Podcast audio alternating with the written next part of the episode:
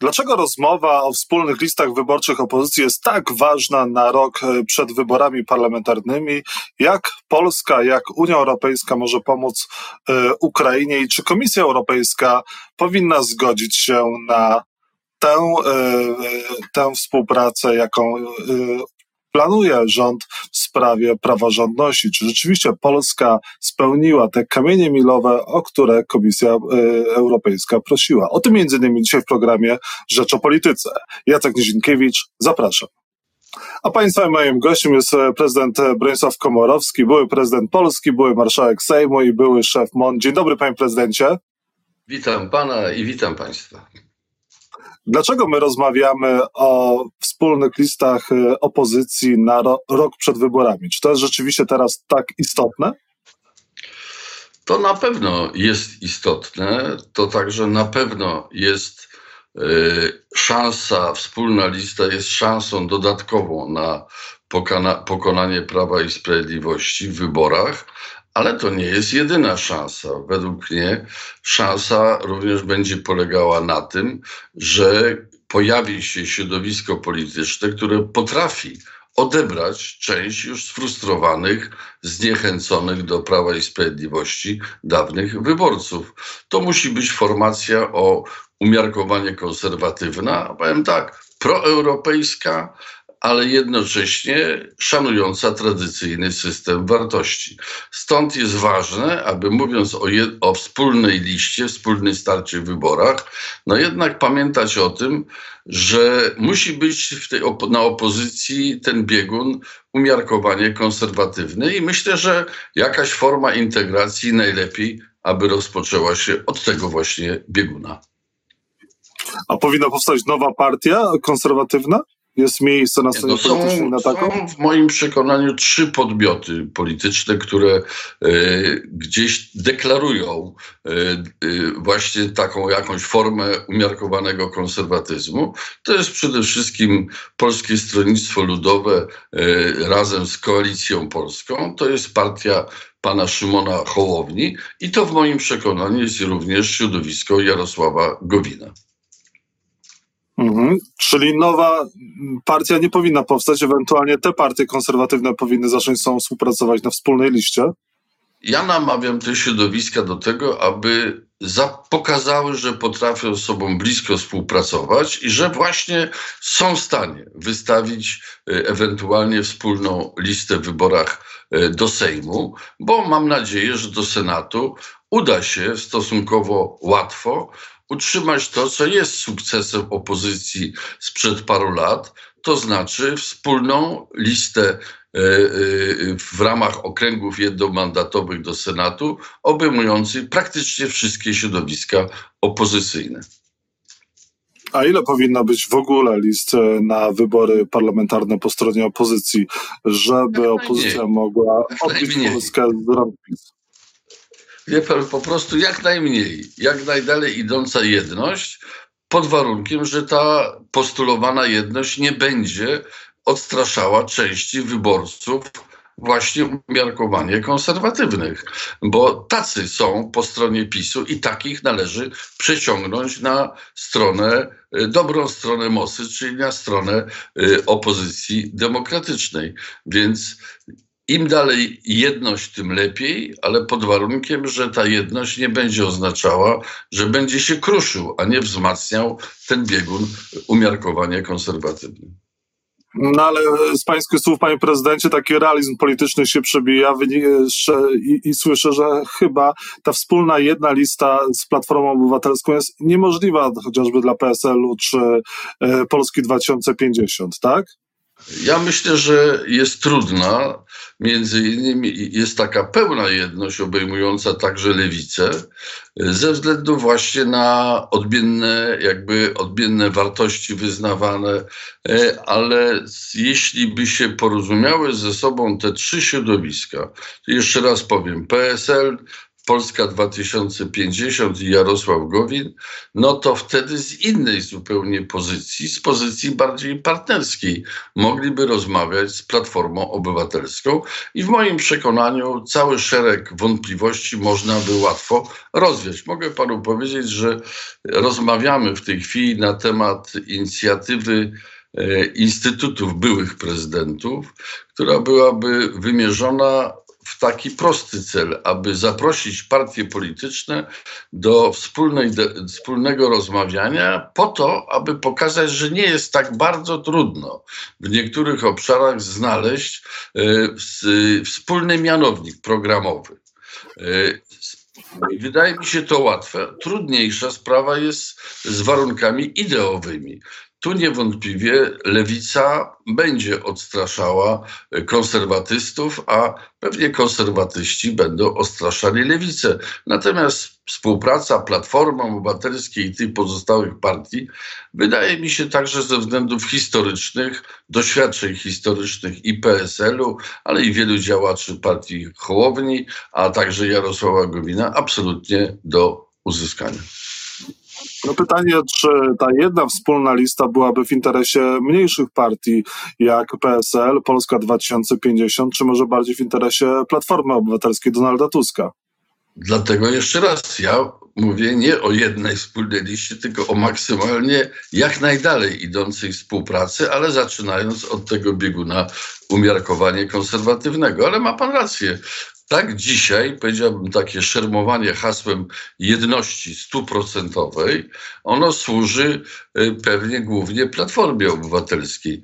E, pozostałe partie, łącznie zresztą z Lewicą, no muszą się martwić o to, czy wspólny sukces za przyczyną metody Donta, liczenia głosów, nie będzie oznaczał, że w wymiarze praktycznym to te mniejsze środowiska utracą część wyborców, część swoich własnych y, środowisk y, ze sobą związanych.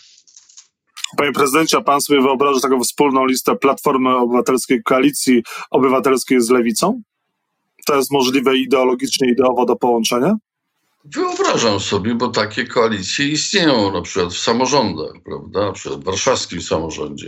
E, wyobrażam sobie, ja się nie gorszę na to, tylko stwierdzam, że to jest pewien trudny wybór dla Platformy Obywatelskiej, która musi wtedy podejmować decyzję, czy szuka partnerów, sojuszników i łowi także wyborców bardziej na prawo od centrum, czy też zbliżając się do lewicy, no jednak przejmuje częściowo ich wyborców, czy ich y, postulaty, ich elementy programowe.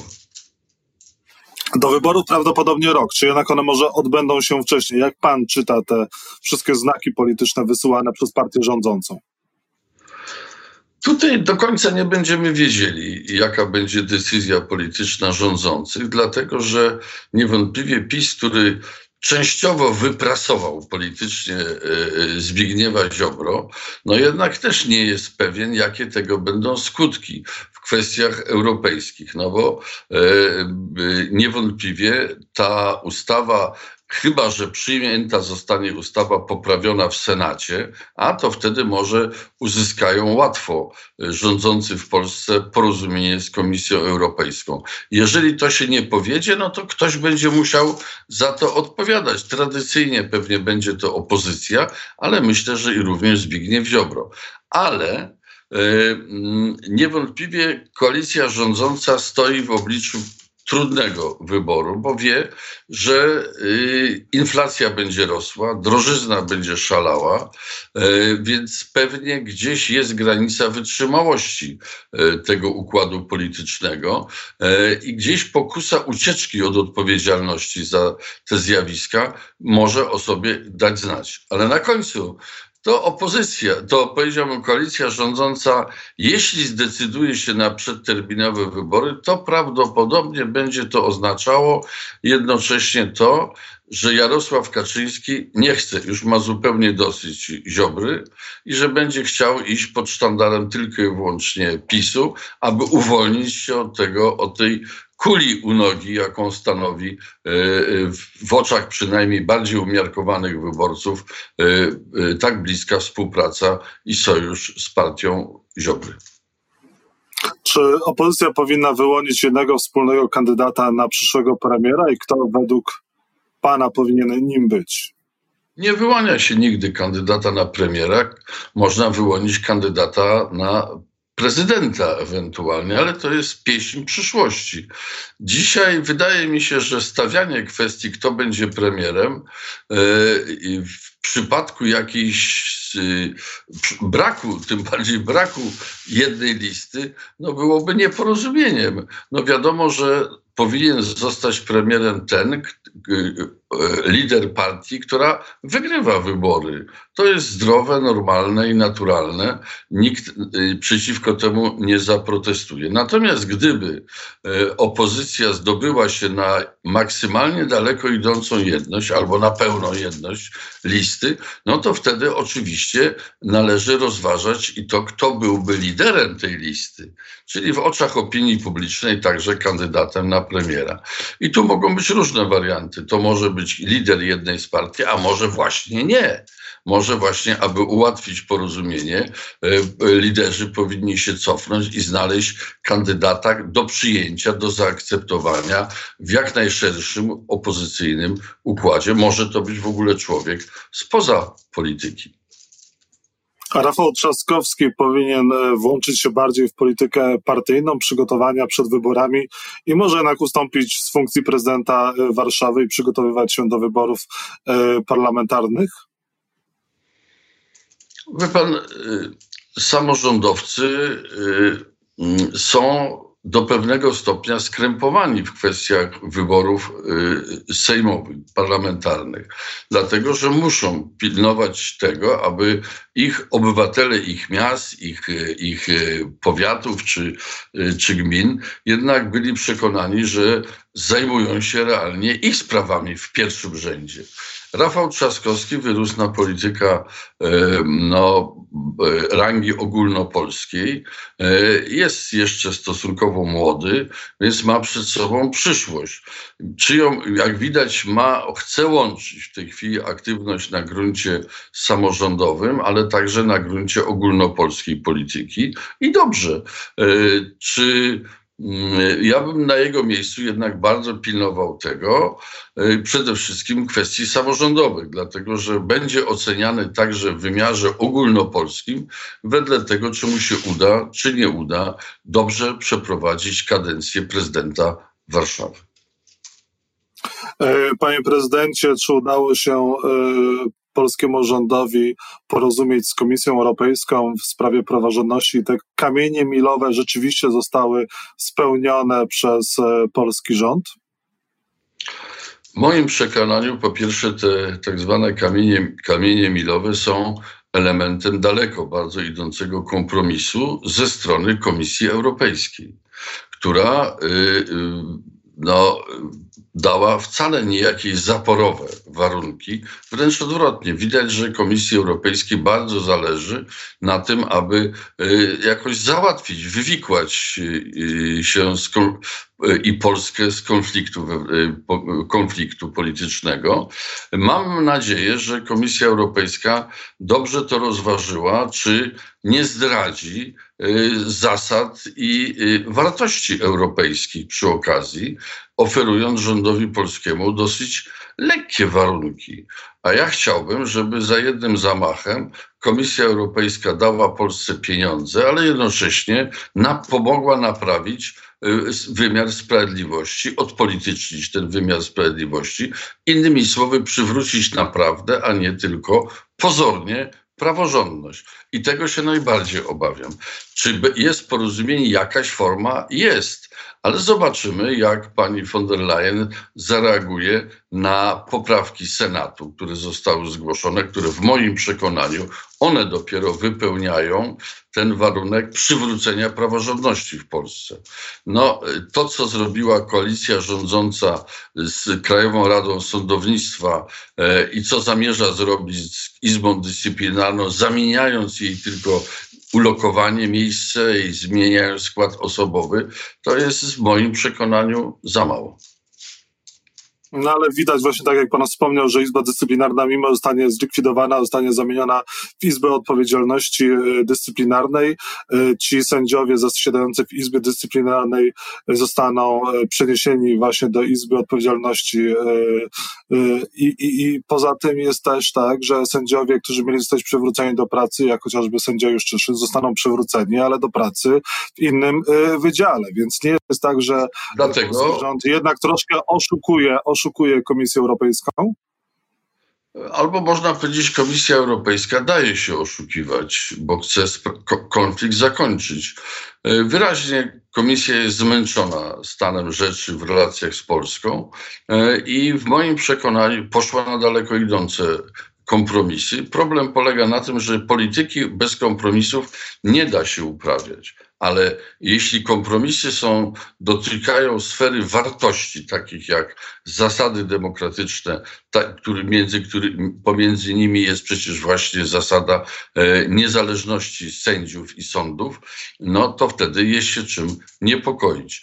Według mnie komisja tak Mam nadzieję, bo tak powiem, mam nadzieję, że komisja nie da się nabrać na te y, pozorne ruchy, y, no, ale warto zwrócić na jedną rzecz uwagę, że te zmiany, y, które owocują na przykład tym, że sędzia Juszczyszyn został przywrócony do orzekania, no przecież same sobie są dowodem na to, że polski wymiar sprawiedliwości został przez Prawo i Sprawiedliwość uwikłany w zależności polityczne. No bo skoro ci sami ludzie z Izby Dyscyplinarnej wcześniej pozbawiali y, prawa do orzekania sędziego Juszczyszyna, a dzisiaj no wyraźnie pod dyktando czynnika politycznego zjadają własny język i odwracają tą decyzję. No to jest koronny w moim przekonaniu dowód na to, że główne nieszczęście polskiego wymiaru sprawiedliwości, a więc uzależnienie od rządu, od polityki, jest y, zjawiskiem istniejącym w dalszym ciągu. Panie prezydencie, jak świat może pomóc Ukrainie? Y, co można zrobić więcej, żeby y, Ukraina wygrała tę wojnę z Rosją, którą chyba jednak przegrywa? Niewątpliwie Ukraina miała znakomity początkowy etap tej wojny, był wygrany przez Ukrainę. Y, dzisiaj karta się częściowo odwraca, dlatego że Rosjanie wyciągają wnioski z, z, tych źródeł ich porażek w początkowym okresie wojny i stosują inną taktykę działania, Y, mobilizują większą ilość żołnierzy i takim ruchem robaczkowym wkraczają coraz dalej na zachód Ukrainy. Jedno się nie zmieniło. W moim przekonaniu Rosja chce i w dalszym ciągu doprowadzić do po prostu zniszczenia niezależnej państwowości ukraińskiej i albo jej się to uda zrobić teraz, albo będzie chciała zrobić to za parę lat jak się ponownie odbudują jej siły zbrojne. Dlatego walka o niezależność, niezależną Ukrainę jest tak istotna, bo Rosja jak groźny niedźwiedź, jeśli pos, tak powiem, posmakuje smaku zwycięstwa nad Ukrainą, to oczywiście nabierze apetytu także na inne kraje, na rozpy, dalsze rozpychanie się w tym regionie. Dlatego świat zachodni powinien Ukrainie po pierwsze pomagać y, w tym obszarze czysto militarnym, to zwolna są przekraczane kolejne bariery, które Zachód sam sobie postawił, prawda? Pamiętam, jak polski prezydent mówił nawet o tym, że będziemy dostarczali tylko amunicję obronną. Ja jako żywo nie wiem, na czym, czym się różni amunicja obronna od e, e, ofensywnej. No ale tak świat zachodni i niestety polski prezydent też tak mówił i myślał. Dzisiaj to już przeszło do historii. Dzisiaj już dostarczamy ciężki sprzęt i, i tak po, to powinno trwać. Y, trzeba dostarczać jak najskuteczniejszy sprzęt Ukrainie, aby cena, którą Rosja będzie musiała płacić za drobne nawet sukcesy na froncie, była jak największa. To po pierwsze. Po drugie, jest sfera ekonomiczna. Ukraina jest niesamowicie y, osłabiona, jej gospodarka. Rosja sobie poradziła. To jest, to jest częściowo mit y, o tym, że te sankcje tak drastycznie uderzyły w gospodarkę rosyjską. Wystarczy przyjrzeć się temu, co się dzieje z kursem rubla. On się absolutnie ustabilizował. E, być może te sankcje związane z ograniczeniem e, eksportu ropy naftowej, one za jakiś czas dadzą efekty pożądane w postaci osłabienia budżetu rosyjskiego, e, ale to jest pieśń przyszłości. Natomiast dzisiaj Rosja stosuje jeszcze jedną broń. Bo tak jak surowce energetyczne były, były bronią rosyjską, to tak samo i żywność stała się e, bronią rosyjską. Zarówno e, przede wszystkim niż niedopuszczanie do eksportu żywności z Ukrainy do, do świata. I temu się należy konsekwentnie prze, przeciwstawić. Niedawno miała miejsce rozmowa telefoniczna prezydenta Macron i Olafa Scholza, kanclerza Niemiec, z Putinem. Zdaje się, że głównie na ten temat. Chyba nic nie uzyskali poza propozycją, że to on może rozważyć, czy może zlikwidować ograniczenia, o ile zostaną zdjęte z Rosji sankcje. Co jest oczywiście nie do przyjęcia. Więc trzeba szukać innej formy odblokowania y, możliwości eksportu y, zboża z Ukrainy przede wszystkim. Y, Myślę, że Zachód, szczególnie południe Europy i Zachód Europy, e, e, się po, po prostu się boją perspektywy tego, co wyniknie z ograniczeń ze, w eksporcie zboża ukraińskiego, na przykład w Afryce Północnej, na przykład na Bliskim Wschodzie, no bo perspektywa jest taka, że powtórzy się wielka fala migracyjna. Ten lęk y, Włoch, Grecji, a Hiszpanii, a pewnie i Francji należy, tak powiem, politycznie skanalizować pomysł odblokowania e, portów ukraińskich, de facto jednego, jakim jest Odessa w tej chwili. Jest to okoliczność, w moim przekonaniu są okoliczności sprzyjające dla tego rodzaju odważnego ruchu ze strony Zachodu. Nie poprzez proszenie Putina, tylko wymuszenie na nim e, nie tyle zgody jego, ile po prostu respektowania prawa międzynarodowego do handlu międzynarodowego na Morzu Czarnym. Przecież Putin nie ogłosił wojny. To jest operacja specjalna operacja specjalna na Morzu Międzynarodowym, na wodach, te, e, e, na wodach terytorialnych innych krajów, nie tylko Ukrainy, no to jest jakieś nieporozumienie. W moim przekonaniu Zachód powinien się zdobyć na twarde działania zmierzające z jednej strony do zabezpieczenia Odessy, mocnego wsparcia w tym wypadku Ukraińców w systemy obronne, ale przede wszystkim szlaków żeglugowych dla e, wszystkich statków z całego świata, które by chciały e, między innymi z Odessy odbierać e, zboże. No właśnie, ale to nie byłoby mieszanie się na to, jednak próba zaangażowania się zbrojnego i też wprowadzenia świata zachodniego w ten konflikt zbrojny między Rosją a Ukrainą? Wie pan, pamiętamy wszyscy, że Zachód, że NATO kiedyś się wystraszyło i nie chciało objąć e, ochroną przestrzeni powietrznej nad zachodnią Ukrainą. No ale to była przestrzeń nad zachodnią Ukrainą. A tutaj chodzi o zabezpieczenie swobody żeglugi na morzach, e, na, na morzu międzynarodowym, a nie ukraińskim. Po, po, drugie, trzeba pamiętać, że były takie precedensy. E, to chyba w czasie wojny z Irakiem, już nie wiem, ale Amerykanie też y, objęli y, y, gwarancjami bezpieczeństwa statki płynące, płynące, które były zagrożone przez ataki, o ile mnie się nie myli, chyba irańskie. I, I tego rodzaju precedensy już były, więc to należy traktować jako zabezpieczenie międzynarodowego handlu między innymi zbożem i swobody żeglugi na, na otwartych wodach międzynarodowych. a obronę ukraińskiego wybrzeża należy po prostu wzmocnić. Tak jak teraz to się stało, przekazuje Zachód między innymi rakiety e, e, do zwalczania okrętów typu Harpun. A realnie według Pana, kiedy NATO mogło, kiedy Ukraina mogłaby być w NATO, kiedy mogłaby być w Unii Europejskiej lub kiedy te rozmowy mogłyby się rozpocząć? Więc po pierwsze y, chcę zwrócić uwagę na znaczenie najbliższego szczytu w czerwcu, y, szczytu NATO. W moim przekonaniu to jest okazja do podniesienia kolejny raz przez Polskę innej kwestii, ale wiążącej się z wojną na Ukrainie. E, na początku lat 90. E, Rosja zmieniła swoją doktrynę wojenną i ogłosiła całemu światu, że gwarantuje sobie, czy e, rezerwuje sobie prawo pierwszeństwa do uderzenia jądrowego bronią taktyczną na wypadek zagrożenia jej terytorium. NATO nie znalazło odpowiedzi na te zmiany doktryny wojennej. Ja jako prezydent to parokrotnie podnosiłem w imieniu Polski, że należy szukać odpowiedzi na zaistniałą sytuację.